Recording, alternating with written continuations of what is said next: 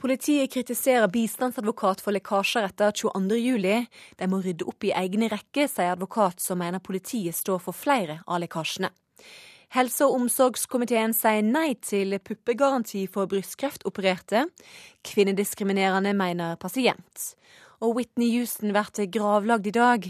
Jeg fokuserer ikke på at hun ødela livet sitt, jeg lytter bare til røysta hennes, sier fan. Syng live i ukeslutt for å heidre stjerna. Velkommen til denne podkasten av NRK Ukeslutt. Jeg heter Sara Victoria Rygg, og i denne sendinga skal vi eh, også møte kulturminister Anniken Huitfeldt, som forteller hvorfor hun dukka opp på den røde løper i skisko. Denne veka gikk politiet hardt ut mot lekkasjer fra bistandsadvokater i forbindelse med terrorsaker. Politiet sjølve sier at de ikke vet om konkrete tilfeller av presselekkasjer fra egne rekker, men bistandsadvokat Mette Yvonne Larsen mener politiet står for flere av lekkasjene. Jeg prøvde liksom å snu de mest sensitive dokumentene, da, sånn, eh, så det ikke kommer noe på lufta som pusser eh, opp noen kilder. ja, har du mye sensitive greier her inne? Uh, ja, jeg har en god del kilderelaterte ting, ja. Men, Journalist og forfatter Kjetil Stormark åpner døra til kontoret sitt, der veggene og skrivepulten er fulle av permer, bøker og dokumenter. Stormark har skrevet boka 'Da terroren kom til Norge'. I den har han snakket med flere anonyme politikilder. Eh, politikilder har vært helt avgjørende på mange deler av framstillingen i, i boka eh, mi eh, om 22. juli eh, ville ikke vært mulig for meg å skrive denne boka her uten å ha bakkanaler inn til eh, sentrale politifolk. Det er ingen tvil om det. Tidligere Kripos-sjef Ola Tune blar gjennom avisen, som viser bilder av den terrorsiktede under rekonstruksjonen på Utøya. Han mener det er tydelig at politiet har lekket informasjon i terrorsaken. Noen er jo helt iøynefallende at kommer fra Eh, bistandsadvokatene, mens andre er mer iøynefallende kommer fra politiet. Erfaringene viser dessverre at i svært saker som jeg kjenner til, og det har vært klare mistanker om, eh, om lekkasje fra politiet, også mot navngitte personer, så blir ikke dette fulgt opp. Saker blir henlagt eller ikke etterforsket i det hele tatt. Politiet mener det er advokat Sigurd Klomsæt som står bak lekkasjer til pressen i 22.07-saken. Denne uka ba politiet Oslo tingrett om å fjerne bistandsadvokat Sigurd Klomsæt fra terrorsaken. De sier de kan bevise at Klomsæt har lekket informasjon til pressen. Tune er redd for at politiet ikke tar lekkasjer i egne rekker like alvorlig. Sånn Generelt så syns jeg nok at politiet bør være såpass eh, navlebeskuende at de også etterforske seg selv når de åpenbart lekker, for det vet politiet at de gjør til tider. Så da må de ta det også på, på alvor, og ikke bare statuere eksempler overfor andre. Jeg vet at bilder fra åstedene på Utøya og regjeringskvartalet ikke ligger blant dokumentene som vi har fått, eh, og da er det lekka fra politiet. Koordinerende bistandsadvokat Mette Yvonne Larsen mener også at politiet lekker informasjon. Rekonstruksjonen på Utøya er det beste eksempelet. Den visste ingen av oss om. Nye opplysninger om massakren kom fram da Anders Behring Breivik var tilbake på Utøya i går. I august var den terrorsiktede på Utøya for å rekonstruere hva som skjedde 22.07. VGs fotografer sto på landsiden og fikk bilder av at den terrorsiktede løftet hendene og simulerte skudd. Larsen mener at noen i politiet har fortalt VG når rekonstruksjonen skulle skje. Her er Anders Behring Breivik tilbake på Utøya. Ikledd rød genser gikk han i flere timer opp drapsruta og forklarte politiet detaljert om massakren han utførte 22.07. I november sendte TV 2 politiets lydlogg. Der kunne vi høre Anders Behring Breivik ringe inn til nødsentralen. Også dette mener Larsen at noen i politiet må ha gitt til pressen. Den første samtalen er klokka 18.01. Her presenterer den terrorsiktede seg som kommandør og sier han vil overgi seg.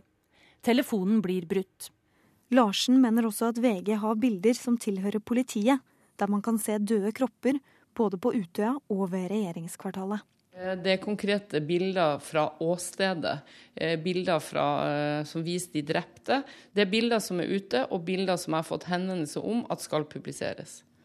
Jeg tenker at det er et større tillitsbrudd eh, når politiet lekker, enn når advokater gjør det. Fordi når man kommer til politiet, så forutsetter man at det du der sier, blir holdt hemmelig. Det jeg synes er det største problemet, er at de har som problem å innrømme at de også eh, har ansvar for lekkasjer. Hvis de vil ha bukt med dette, så må de rydde opp i egne rekker også.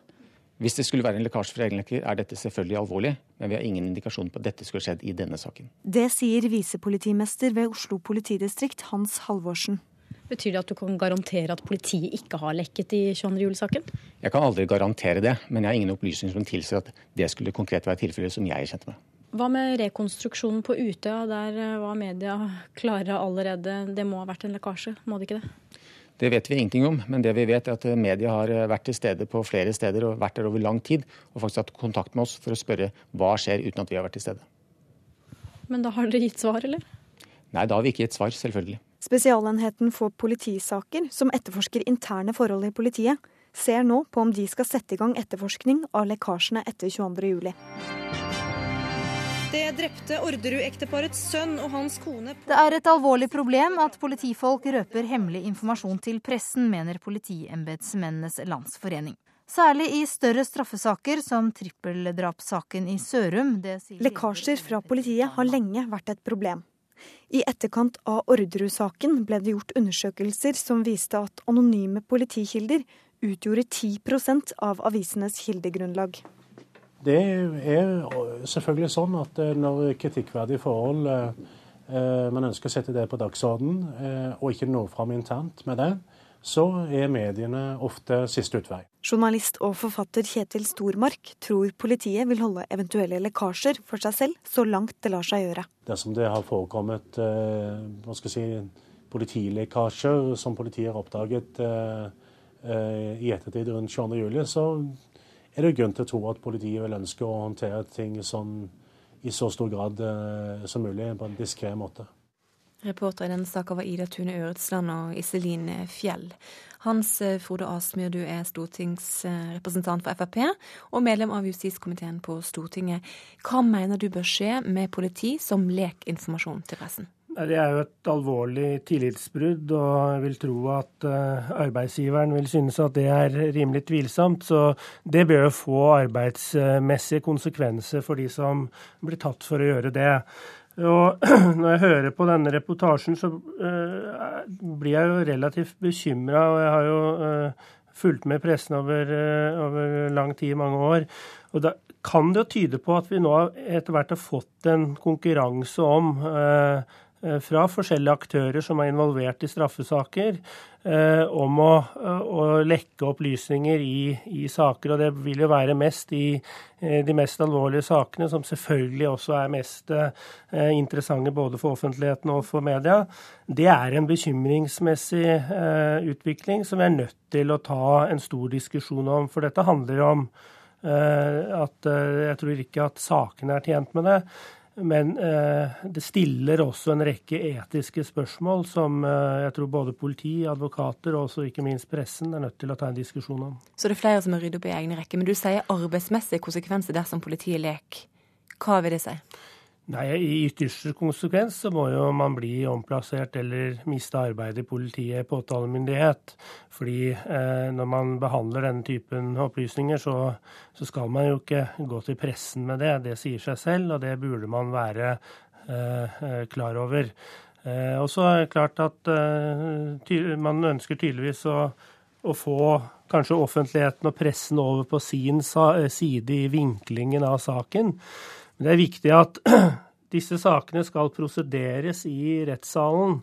Eh, og vi skal ikke ha en type forhåndsprosedering eh, med lekkasje av beviser osv. Så uh, ut ifra et rettssikkerhetsspørsmål så synes jeg også dette er tvilsomt. Det er i, i retten uh, fakta om saken skal komme frem og ikke i media lang tid i forveien, som vi f.eks. nå har sett i den såkalte terrorsaken. Mm. Hva, er, hva er verst, at politiet leker eller at uh, advokatene leker? Jeg syns det er like ille. Jeg syns at uh, altså disse aktørene har tilgang på informasjon, og det er en li, lik informasjon. og Da bør de opptre likt uh, rundt det spørsmålet. Vi har invitert både justisminister Grete Farmo og Politidirektoratet til å debattere med deg her i dag. Ingen av de ønsker å delta i debatt i ukeslutt, men vi prata med assisterende politidirektør Otto Sterk før sendinga, og, og, vi spurte han hvordan han reagerte på at politiet sjølve leker sensitiv informasjon til pressa.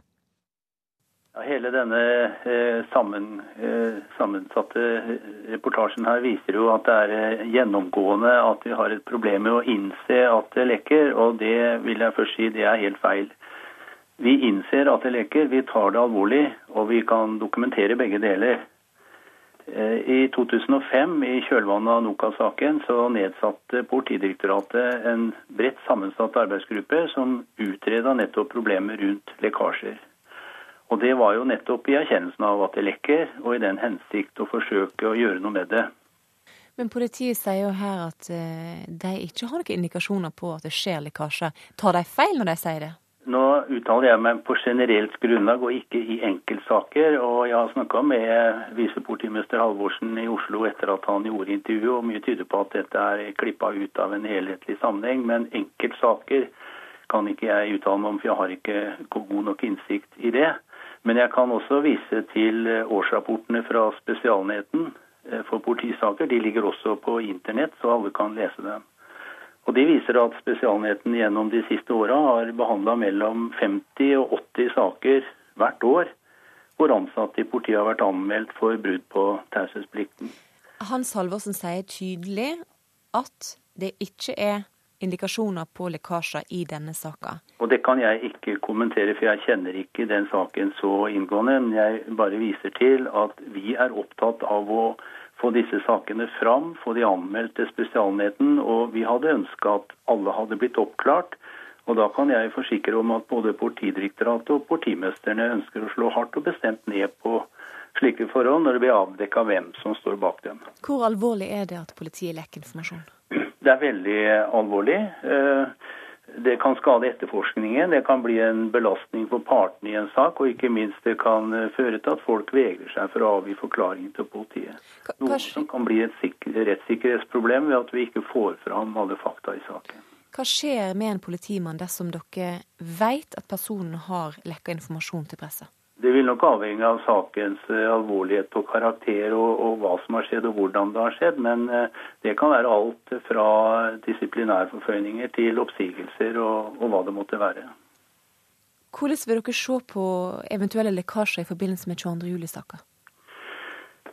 Ja, Vi har jo som sagt eh, sendt ut senest 10.1 et skriv til alle politidistriktene hvor vi viser til denne rapporten fra 2005 som belyser dette ganske bredt. og bedt om at man gjør det man kan for å skjerme dokumenter, for å, å, ta lederansvar og sørge for at dette ikke skjer. Men vi vet jo at det er mange saker som behandles i politiet. Det er mange som er innom disse sakene, og vi må innse at det nok blir lekkasjer uansett. Politidirektoratet sier altså at de ser veldig alvorlig på dette her. Hans Frode Asmyr, eh, blir du beroliget av beskjeden fra deg?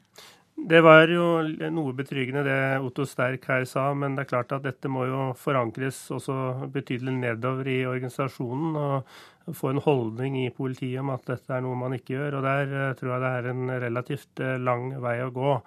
Eh, og det er som han sier, at her må ledere ta ansvar, men også den enkelte tjenestemann er nødt til å gå i seg selv og ta ansvar for dette. Takk til deg, Hans Frode Asmyr. Jeg vet ikke, jeg, har, Mor mi hørte veldig på det når jeg vokste opp. Filmen uh, The Bodyguard gikk jo på repeat hjemme hos oss. The, I Wanna Dance With Somebody. Sto uh, mima til den da jeg var liten. Ung jente med kassettspiller på rommet. Jeg har vel ikke sånn eh, veldig stort forhold til Whitney Houston. Nei. Så det var ikke noe tvil om hvor det kom til å gå, så jeg er ikke så veldig overraska og musikken er grei, men det er ikke noe Har gjort sitt beste uansett, så du kan liksom bare stumpe. Nei, det er liksom både bodyguard og litt sånn eh, sette på på fest-greie. Men jeg har aldri hatt sånn kjempenært forhold til Whitney Houston, men man blir jo glad når man hører de gamle låtene hennes. Søstera mi har alltid hørt veldig mye på såkalt svart musikk, og jeg har hørt mye på Whitney Houston gjennom uh, soveromsdøra hennes. I wanna dance with somebody. I wanna feel the heat with somebody. Hey, I wanna dance with somebody. With somebody who loves me. Ja, det er jo en sang du bare må danse til, kan du si. Folk på festivalen Bylarm i Oslo minnes Whitney Houston på sin måte i går kveld. I dag blir flagga senka til halv stang i New Jersey i forbindelse med gravferda til popdronninga. Hun blir gravlagt klokka 18 i kveld, og seremonien blir direkte overført på nettet. USA-korrespondent Anders Tvegård dro til New Jersey.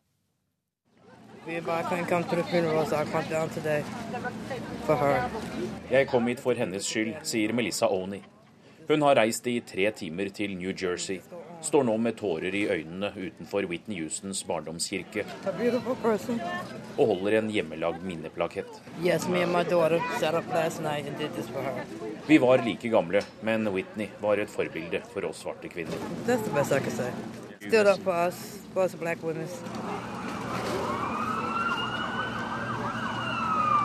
Det er eh, fredag ettermiddag, og kvartalene rundt New Hope Baptist Church sperres av. De seks nærmeste gatene skal ryddes for biler og folk, for å gi Whitney Houstons familie den private avskjeden de ønsker.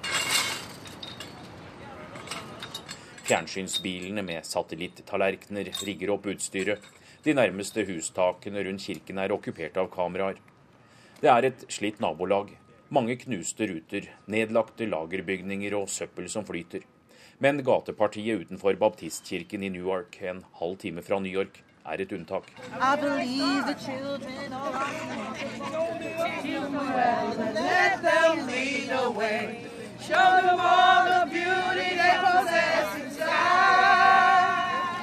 Noen tilfeldige Whitney Houston-fans finner sammen, holder hender og synger sangene hennes utenfor kirken. De har holdt det gående et par timer. På gjerdet rundt der sangeventyret startet, er det hengt opp blomster, hjerteformede ballonger, brev og hilsener.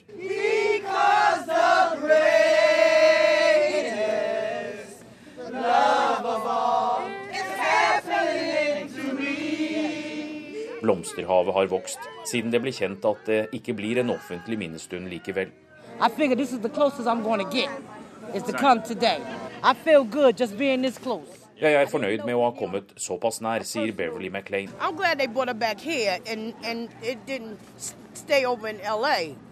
Ingen NRK møter utenfor kirken klager på familiens ønske om å holde begravelsen privat.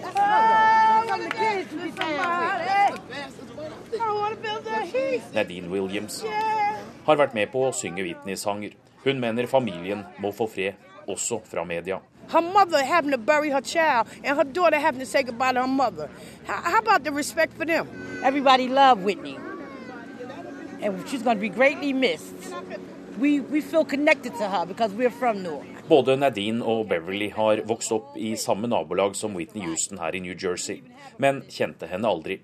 Det betyr ikke noe i dag. Whitney, she's somebody that Newark residents can be proud of, that we do have intelligent people that come from Newark. We show you that we can have talented people even come out of Newark, New Jersey. Not only robbers and crooks and drug. Hun var som et familiemedlem. Hun viser at Newark har talent, ikke bare bankranere, kriminelle og narkolangere, sier Beverly, som har tatt på seg prangende gullbelagt ørepynt til ære for Whitney.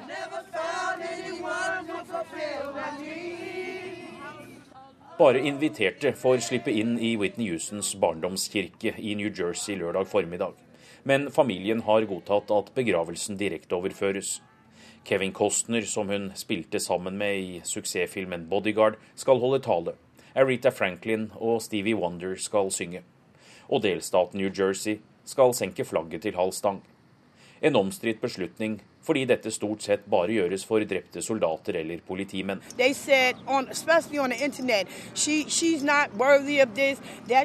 Men guvernør Chris Christie forsvarer avgjørelsen og viser til Whitney Houstons kulturelle betydning. Come on, man. It, it, he wanted to honor her. He had his own reasons. He evidently felt something that we felt. Yeah, the governor. That's right. That's, that's right. Best and that's a good done. thing. That's a good thing because I've not agreed on many things that that man had that's to say. Right. Nadine og Beverly har lite godt å si om New Jerseys guvernør.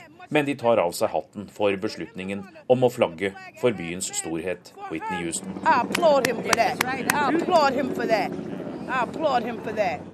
Og du kan se gravferda direkte på nrk.no fra klokka 18 Houston. Kim André Rystad, du er folkemusiker og kveder. De fleste kjenner deg kanskje best fra årets Melodi Grand Prix der du sang låta 'Så vidunderlig'. Hva er ditt forhold til Whitney Houston?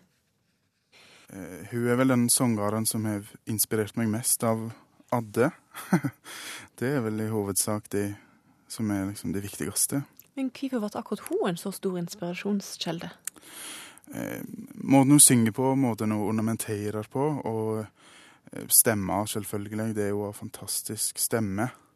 Eh, der er fylde, og der er Hun kommer høyt, hun kommer lågt, og hun kan synge hvor vi, på en måte. Og det er veldig få som sangere som klarer det.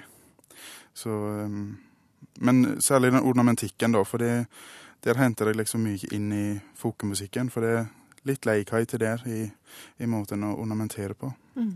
Ja, for du var jo Du er jo folkemusiker, født i et folkemusikkheim. Ja. Hvorfor i all snakk endte du opp med å digge Whitney Houston? Nei, altså, når jeg var leiten, så var jeg ikke så veldig glad i folkemusikk. Um, så jeg uh, jeg eh, protesterte, eller demonstrerte, vil jeg si, med å spille popmusikk. Og, og fant liksom min plass i, i popmusikken, egentlig.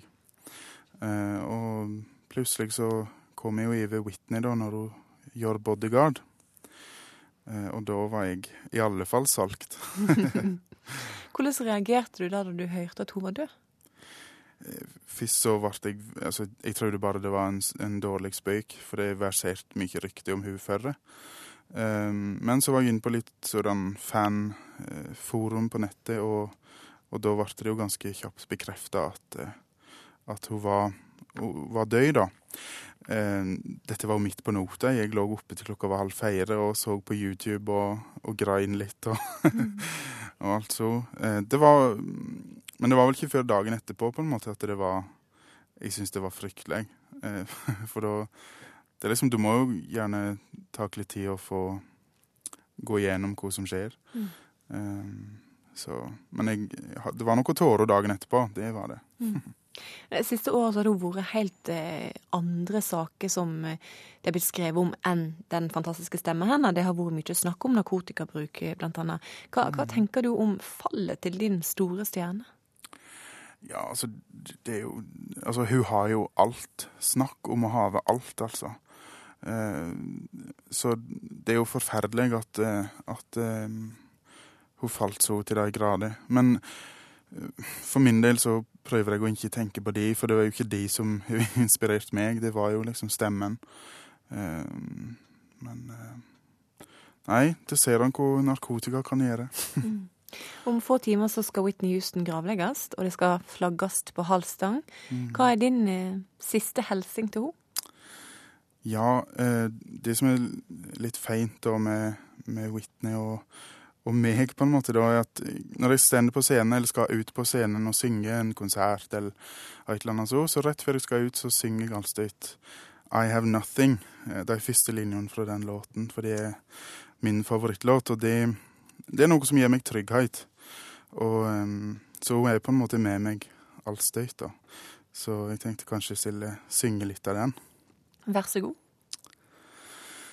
Share my life, take me for what I am. Cause I'll never change all my colors for you.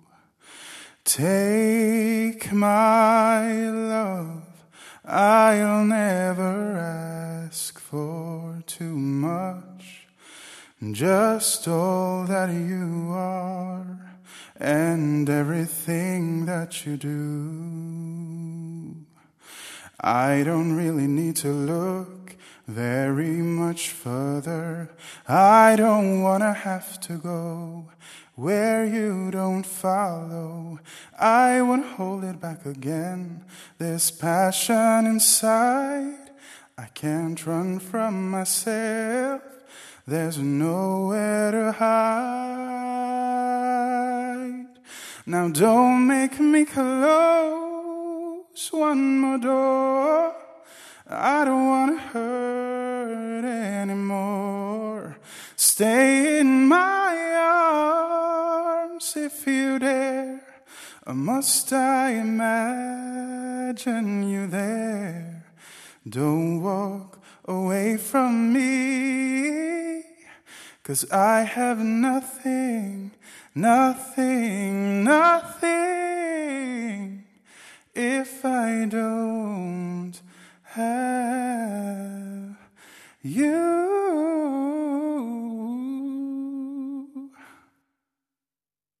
Du hører på en podkast av NRK Ukeslutt. Følg med videre og hør at pupp og pung må likestilles. Det mener Brystkreftoperert. Reagerer kraftig på at helse- og omsorgskomiteen sier nei til puppegaranti. Og fjøra fyk når prinsesse Märtha Louise møter englene sine. Ukeslutt sin reporter fikk møte sin. Våren 2001 ble Norges Bank gitt i oppdrag å sette renten med sikte på å holde inflasjonen lav og stabil. Samtidig kom handlingsregelen for finanspolitikken, som staket ut en kurs for bruken av oljepenger. Selv om det er veldig moro å høre sentralbanksjef Øystein Olsen prate om handlingsregelen i sin årstale, så var det kanskje enda artigere for det oppmøtte i Norges Bank på torsdag at kulturminister Anniken Huitfeldt hadde valgt skisko som tilbehør til den svarte kjolen sin. Du stjal virkelig showet på den røde løper, Anniken Huitfeldt. Hvorfor sølvfarga skisko? Ja, det var jo bare på løperen på festen så fikk jeg på meg pennesko. Og det var til ære for pressen, da. Så jeg er jo kulturminister og leder av Arbeiderpartiets kvinnenettverk, og jeg ser hvordan jenter innenfor idretten gjør det mye bedre enn før. Eh, innenfor kulturlivet, innenfor norsk musikk, så er det jo stadig flere jenter som kommer seg fram. Og innenfor norsk, norsk politikk så er vi flere enn noen gang. Men jeg er veldig bekymra for norsk offentlighet når det gjelder eh, hvordan vi bedømmer og hva slags oppmerksomhet vi i dag gir rundt kvinners utseende. Gro Harlem Brundtland sa at eh, for meg så holdt det med leppestift. Mens nå så tar dette et stadig større plass. Og jeg mener at vi skal ha mer fokus på resultater som jenter oppnår. I skisporet, innenfor norsk kultur, innenfor norsk politikk. Og jeg er veldig bekymra for at uh, unge jenter i dag uh, blir mer og mer opptatt av utseendet. Så dette her var en ordentlig protest. Uh, du vil ikke ha noen terningkast? Jeg mener at hvis dere skal gi terningkast til noen, nå sitter det en som har gitt meg terningkast, så fortsett å gi det til meg, til Kristin Halvorsen og til, til Liv Signe Navarsete. Men slutt å gi det til langrennsjentene. Når det har gått kjempebra i sporet, så kommer det sånne sure kommentarer sånn Therese Johaug, det passer ikke med svarte soletter til gullkjole. Slutt å gi det til uh, unge norske artister, og slutt å gi det til unge stortingspolitikere. Vi veit at er det noe som gir jenter dårlig sjøltillit, så er det kommentarer om utseendet. Jeg tåler det, men slutt å mobbe alle de andre. Silje Pedersen, du er moteredaktør i magasinet Kvinner og klær, og tidligere så var du redaktør for Min mote på VG Nett. Mm. Du mener at dette her må kjendisene finne seg i. Hvorfor det? Jo, det syns jeg jo. Altså kjendisene, de, kjendisene, Det er forskjell på kjendiser og politikere. Kjendiser går på rød løper for å få oppmerksomhet. Politikere gjør det ikke på samme måte, selvfølgelig. Men hva de har på seg, det er jo interessant for mange. Nå vil jeg bare si at jeg har aldri kastet terning på deg. Okay. det har jeg faktisk ikke. Så der, eh, det må jeg si at det så jeg ikke for. Eh, men jeg har kastet terning på andre politikere og på kjendiser når jeg jobbet i VG. Mm. Mm. Eh, og du er ikke spesielt alltid like hyggelig når du, når du, når du kaster terninger. Hvorfor eh, skal en person bli bedømt ut fra hva hun har på seg, og ikke f.eks. hva hun har gjort i skisporet, eller hvordan hun har oppført seg som kulturminister? Nei, altså Når man er politiker, så er det jo de politiske meningene som selvfølgelig skal stå sentralt. Samtidig så er folk opptatt, og mer og mer opptatt av hva vi har på oss i hverdagen. Sånn er det bare. Eh, folk er interessert. Det ser du på nett også. At de sakene som får de største lesertallene, det er de sakene som handler om hva folk har på seg når de går på rød løper. Og sånn er det. Leserne er opptatt av dette her, og de syns det er kjempeinteressant. Og de vil vite det. Eh, og det er bare sånn det er. Eh, og jeg tror ikke at, tror ikke at vi kan bli kvitt terningkastet, for de er såpass godt innarbeidet allerede. Samtidig så vil jeg også eh, sette meg litt fra noen av de som er typ selvutnevnte moteeksperter og har mange meninger som ikke jeg er enig med. Så jeg mener at det er altfor mye vekt på det her. Hvis du ser på kvinnelige artister som Susanne Sundfør eller Ingrid Olava eller Marit Larsen, så er det ikke stylisten som har fått dem fram. Det er deres kvalifikasjoner. Så jeg mener at offentligheten egentlig gir unge jenter en helt feil beskjed. Det gir dem beskjed om at uh, mote, klær, hår og utseende er viktigere enn det det egentlig er. Jeg er helt sikker på at velgerne i Akershus kommer ikke til å stemme mer på meg hvis jeg er, har fin neglelakk og alltid er fluffy på håret. Og jeg tror de lever godt med at skoene mine av og til er kjedelige. Uh, og jeg tror at vi gir den feil beskjeden, da. Og jeg tror at vi alle har et ansvar, og det syns jeg de som uh, jobber med motorjournalistikk også bør ta. Når vi ser at utseendepresset stadig blir tøffere blant helt små jenter. Men hva er det som er galt med å ta seg godt ut? Nei, Det må vi gjøre. Jeg også bryr meg om utseendet. Jeg bryr meg om norsk mote også. Jeg. Men jeg syns det er noe med ordbruken som jeg synes minner litt om sånn 14 år gamle jenter i skolegården. Og ikke er seriøst. Og så syns jeg det er sånn sjikanøse beskrivelser. Og når Marit Bjørgen får beskjed om finn deg en stylist, syns jeg det er rett og slett respektløst. Nå vil jeg bare si det først at Det er ikke jeg som har sagt at Marie Bjørgen skulle få seg en stylist. bare så vi er helt klare på Det at det var det ikke jeg som uttalte. Mm. Uh, og jeg må jo si det at mote er jo subjektivt. Det har jo, altså Vi har forskjellige ideer og tanker om hva som er pent på. Sånn er det bare. Og alle har det. Uh, så det vil, det vil, alltid være forskjellige tanker om det. Uh, men jeg må også si det at jeg syns jo at man som politiker har et ansvar da, når man går på forskjellige ting. F.eks. på en gallamiddag som er forskjellig fra en, en annen middag, hvor det ikke kanskje er så høye krav til hvordan man skal se ut. Men da bør man jo kanskje begynne seg litt og tenke litt ekstra godt over hva man har på seg. Samtidig så vet jeg også det at uh, man er eh, mor til barn, man har en familie, man har ansvar. Man, uh, går, man sitter ikke hjemme og sminker seg i tre timer før man går på en tilsetning. Det er ikke det jeg, eller vi, jeg kan bare snakke for meg selv, det jeg mener at man skal gjøre. Men man kan også tenke etter hva man kler på seg. Og det er klart at det sånn som det stuntet du gjorde, det sender jo signaler. Og som kulturminister, altså er det, du sier jo også at du går i norsk mote. Men samtidig så blir dette da en sånn kjempediskusjon som egentlig kunne ha brukt mye spalteplass på hvordan vi kunne fremme norsk design. Nå har det vært Oslo Fashion Week eh, bare en uke siden. Og hva er det pressen skriver om? Jo da, vi skriver om kjendisene som går på rød løper. Det er ikke så veldig mye spalteplass brukt på de norske designerne. Ja, Men du kan jo bestemme det her. Nei, jeg kan ikke bare bestemme det. Det er ikke bare jeg som sitter og bestemmer det her. Men du er en av de mektigste motejournalistene i Norge. Du kan jo få vekk det utseendepresset og isteden har seriøse anmeldelser av mote. Men det er to skoler, da. ikke sant? Det ene er de som mener at kvinnelige politikere at vi bør få oss eh, mer penger, sånn at vi kan gå penere på rød løper. Og så er det sånn som jeg, som mener at eh, vi lever et ganske normalt liv. Og at jeg istedenfor å gå til frisøren og til stylist før en middag, så drar jeg hjem og lager middag til ungene mine. Og jeg er veldig glad for at vi lever i et land hvor politikere er ganske normale. Så Men mener du at det ikke har noe å si hva du har på deg? Du har ikke kasta terning på Anniken Huitfeldt, du har kasta terning på andre, bl.a. Mm. på statsministeren sin kone, og kjolen hennes fikk beskjed du ser ut som at du har på deg lappeteppe. Mm. Dere er ikke litt slemme, da? Litt slemme, men jeg står for det jeg sier akkurat der. For, for det var en veldig spesiell situasjon. Anniken Huitfeldt, hva har du på deg neste gang du går på den røde løper? Jeg bruker nesten alltid norske designere. Ja. Jeg syns det er, det er veldig bra. Men jeg syns vi skal uh, omtale i hvert fall de unge jentene mye mer respektfullt enn det dere gjør i dag. Takk til deg, Anniken Huitfeldt, og takk til deg, Silje Pedersen. Har du sett en engeldag en gang? Nei, aldri i livet. De har to vinger, og så, bare, og så har de fine kjoler. Mm. Og så bare elsker de kjolene sine. Men fins det mange engler? Ja. Hvor mange da? Tusen millioner. De bor i England, vet jeg. Egentlig så fins de ikke i virkeligheten, men de fins i bok. Ja, ikke alle barn og ukesutprater vi tror på engler. Det gjør prinsesse Märtha Louise og det blir det mer om litt seinere i sendinga. Vi har akkurat fått inn en melding om at eh, to personer er tatt av et snøskred ved middagstiden på Kvaløya utenfor Tromsø. Det opplyser Hovedredningssentralen i Nord-Norge. Mer om det får du i nyhetssendingene våre i løpet av eh, dagen. I dag er det finale i VM i snowboard. Det er første gang i Norge at Norge er vertsnasjon for dette arrangementet. Og du er på plass, reporter Jonas Brenna.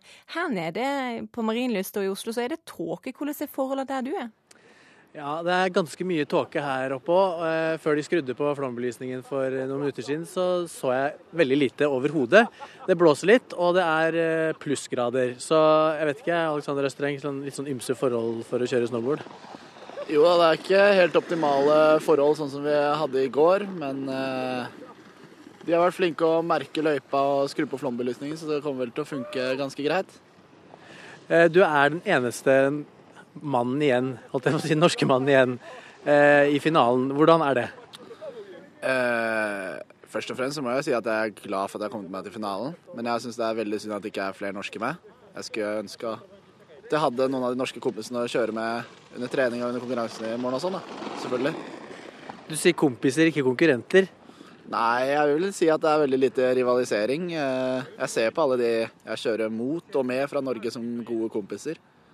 Men som f.eks. Torstein Horgmo, for de som ikke er kompisen hans. Eh, han, han eh, er jo en av verdens største snowboardstjerner og røyk ut i kvaliken. Hvordan har det seg? Er det liksom Det virker veldig tilfeldig? Det er sånn som kan skje i snowboard, liksom. Det var, det var jo også veldig flatt lys, og han var uheldig. Liksom, snowboard handler om små marginer og Ja små marginer. Men sånn som jeg ser på det, og jeg har vært oppe på den halfpipen og titta ned, f.eks., så tenker jeg jo at det er livsfarlig. Og når jeg ser deg sveve over kulene i løypa bak oss her, så tenker jeg også at er du ikke så redd at du holder på å drite på deg?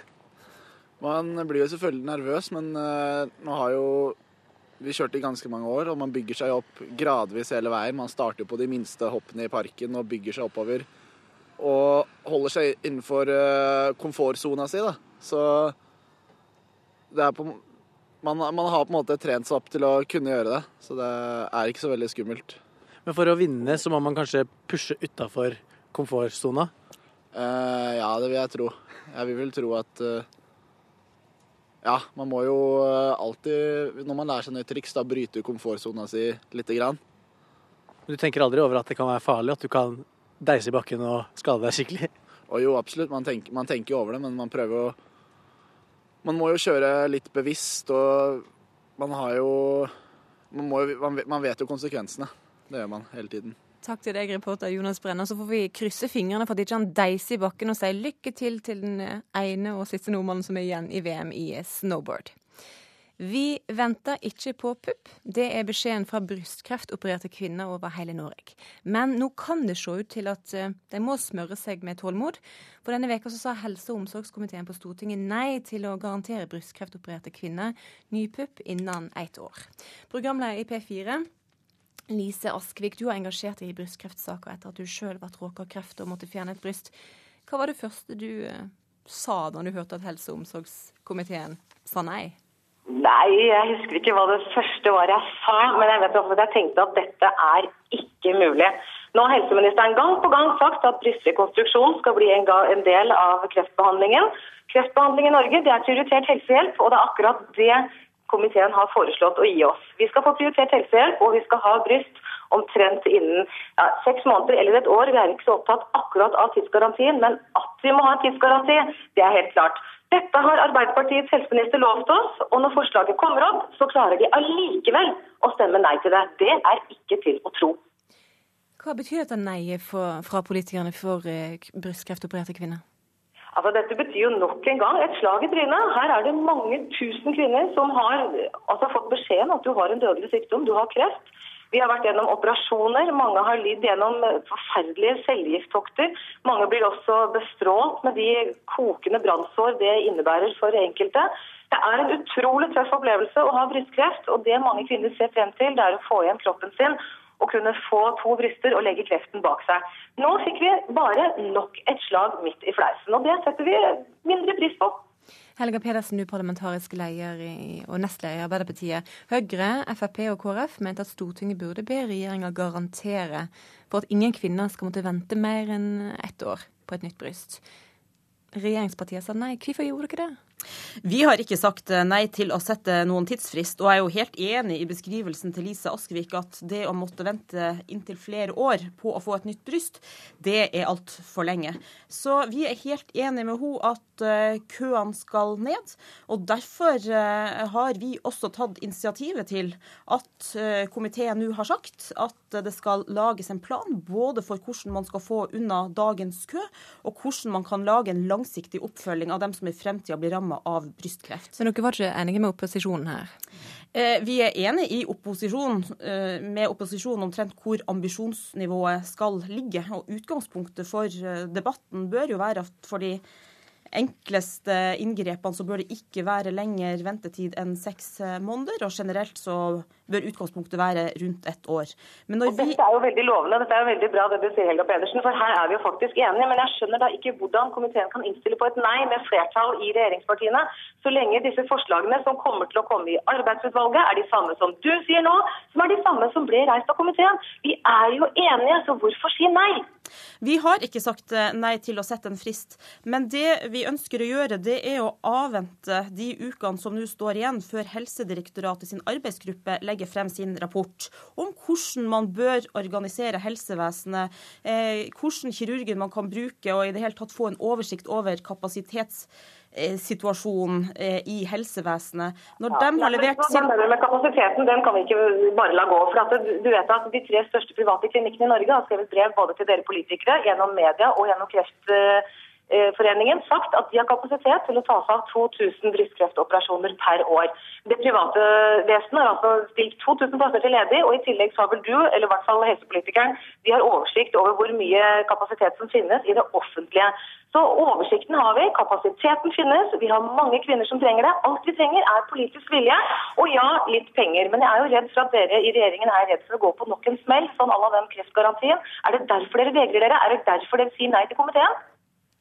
Nei, vi sier ikke nei til å sette den fristen, men nå har man jo en arbeidsgruppe som skal levere sin innstilling om bare noen få uker. Og jeg mener det er viktig at vi har en ordentlig kvalitetssikring av de faglige rådene, og at vi har en systematisk tilnærming til det her. Sånn at vi vet at når vi setter frister, og når vi gir tusenvis av kvinner forhåpninger eh, om når de skal få nytt bryst, så er det basert på den beste kunnskapen vi har. For jeg kan ikke eh, sitte og gi løfter som jeg ikke er helt sikker på at vi klarer å innfri. Og jeg er mye tryggere på det når den gruppa har levert eh, sin rapport, og det er det som sagt bare noen få uker igjen før de gjør. Grupper og utvalg er fint nok, men hvorfor setter dere bare i gang 2000 kvinner kan opereres i løpet av ett år? Hvorfor setter dere bare i gang dette her? For det første så har jo helseministeren slått fast at uh, brystrekonstruksjon, som det så fint heter, uh, skal være en del av kreftbehandlinga. Og når en kvinne kommer inn og blir diagnostisert for brystkreft, så skal man også begynne planlegginga av rekonstruksjon. det er ganske nytt. Så har vi jo nå slått fast gjennom helsekomiteen sin innstilling at det skal lages en plan, både for å ta unna køen og for den langsiktige oppfølginga. Det er også nytt, og det har jo vært et veldig tydelig krav fra fra Lise Askvik og de brystkreftopererte, som de nå har fått gjennomslag for. Og så er vi også innstilt på å sette frister, men da skal vi være ja. sikre på at de er kvalitetssikra av dette rådet, der jo også de brystkreftopererte er representert. Nå er det sånn at eh, Blir en mann råka av testikkelkreft, så får han ganske raskt en protese dersom han må fjerne en testikkel. Hvorfor er det da sånn at mange kvinner må vente? Hvorfor er ikke pupp og pung likestilt? Jo, jeg mener eh, det skal være likestilt. Og jeg er jo som sagt helt Jeg har mange i nær familie som eh, har vært ramma av brystkreft eh, sjøl. Eh, og det er eh, Vi kjenner alle noen som er ramma av det. Så det er et helt betimelig krav at man skal få nytt bryst, og mye, mye raskere enn, dag, enn i dag. Men når vi gir løfter, så må vi vite at må vi også vite hvordan vi skal innfri dem. Og det skal vi da vente noen uker på å finne ut av. Lise Askvik, helt, helt kort til slutt, Lise Askvik. Dere lover demonstrasjoner dersom ikke dette her går gjennom i Stortinget. Hva gjør dere? Ja, vet du hva, hva vi gjør, det kan jeg ikke gå ut med nå, men vi har noen ganske sterke planer om hvordan, hvordan vi vil markere vår protest. Hvis regjeringspartiene den 1. mars sier nei, for hvis de får et nei-vedtak i Stortinget, så kan de vise til det i all ettertid, uansett hva arbeidsgruppa kommer opp med av forslag. Derfor Helga Pedersen, trenger jeg her og nå et muntlig løfte på at hvis du får nei i Stortinget, må du ikke bruke det mot oss i ettertid. For et nei fra Stortinget er gull verdt for deg hvis du vil spare penger, og det er slutten for vår vårt håp om å få tilbake en hel kropp. Vi ønsker ikke å si nei, men vi ønsker at eh, vi skal være helt trygge på hva vi sier ja til når vi sier ja. Takk til deg, Helga Pedersen, og takk til deg, Elise Alsvik. Hun forteller om at hun blir dekka av fjør og engler som vibrerer i grønn frekvens. Denne veka kom prinsesse Märtha Louise og Elisabeth Noreng eh, med boka 'Engelens hemmelighet'. Ukeslutt sin reporter Gry Veibø hun dro på besøk til engleentusiastene Guri og Ellen for å finne ut av nettopp englene sine hemmeligheter. Jeg er på besøk hos eh, Guri Pernille Ribe.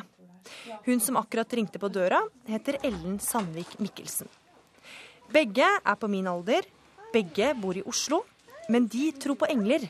Det gjør ikke jeg. For meg er engler i snøen, på glanspapir eller gamle slagere. For Guri og Ellen er engler en del av hverdagen. Jeg har en, en feminin energi, som er min skytsengel.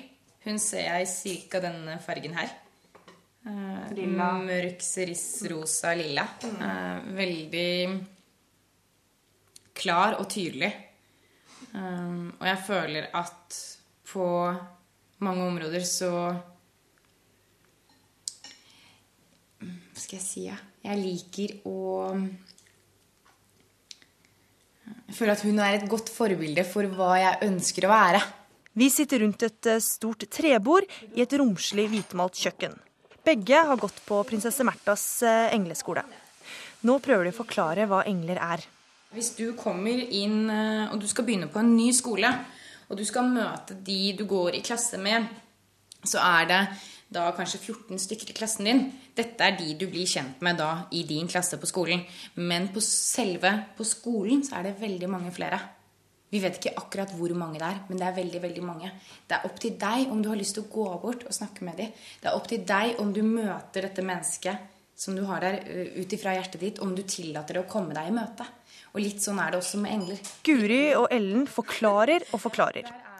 Jeg må innrømme at jeg fortsatt har litt problemer med å forstå hva de snakker om. Du, du gir deg ikke det! Nei, helt. For, hvis dere på en måte, altså, for at man skal skjønne det. For at det er jo veldig mange som syns at dette er veldig rart. Det har jo sikkert dere også. Dere har jo lest kritikken som Märtha har fått tidligere. Og dere har jo sikkert når dere har truffet mennesker også. Så når de spør sånn hvordan, for eksempel, hvordan er, ser en engel ut, da? Er det et svar på det, eller er det ikke et svar på det? Nei. Men er det engler her nå, f.eks.? Det er engler rundt oss hele tiden. Det er det. Det blir med et stille rundt kjøkkenbordet. Jeg prøver å merke nærværet av engler. Og så Men ser du noe, på en måte, noe bak meg nå? Eller noe energi? Eller, altså, eller? Um, um, Du har eh, din bak der. Mm. Bak høyre skulder, altså. For dette er din engel. Dette er din skytsengel som har vært hos deg alltid. Mm. Så den er ikke her for meg. Jeg ser jo ingenting, men merker jeg en slags varme?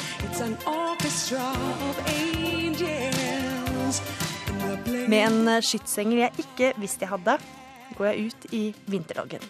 Ukeslutt er over for i dag. Ansvarlig for sendinga var Elisabeth Onsum. Lisbeth Sellereite styrte teknikken, og jeg heter Sara Victoria Rygg.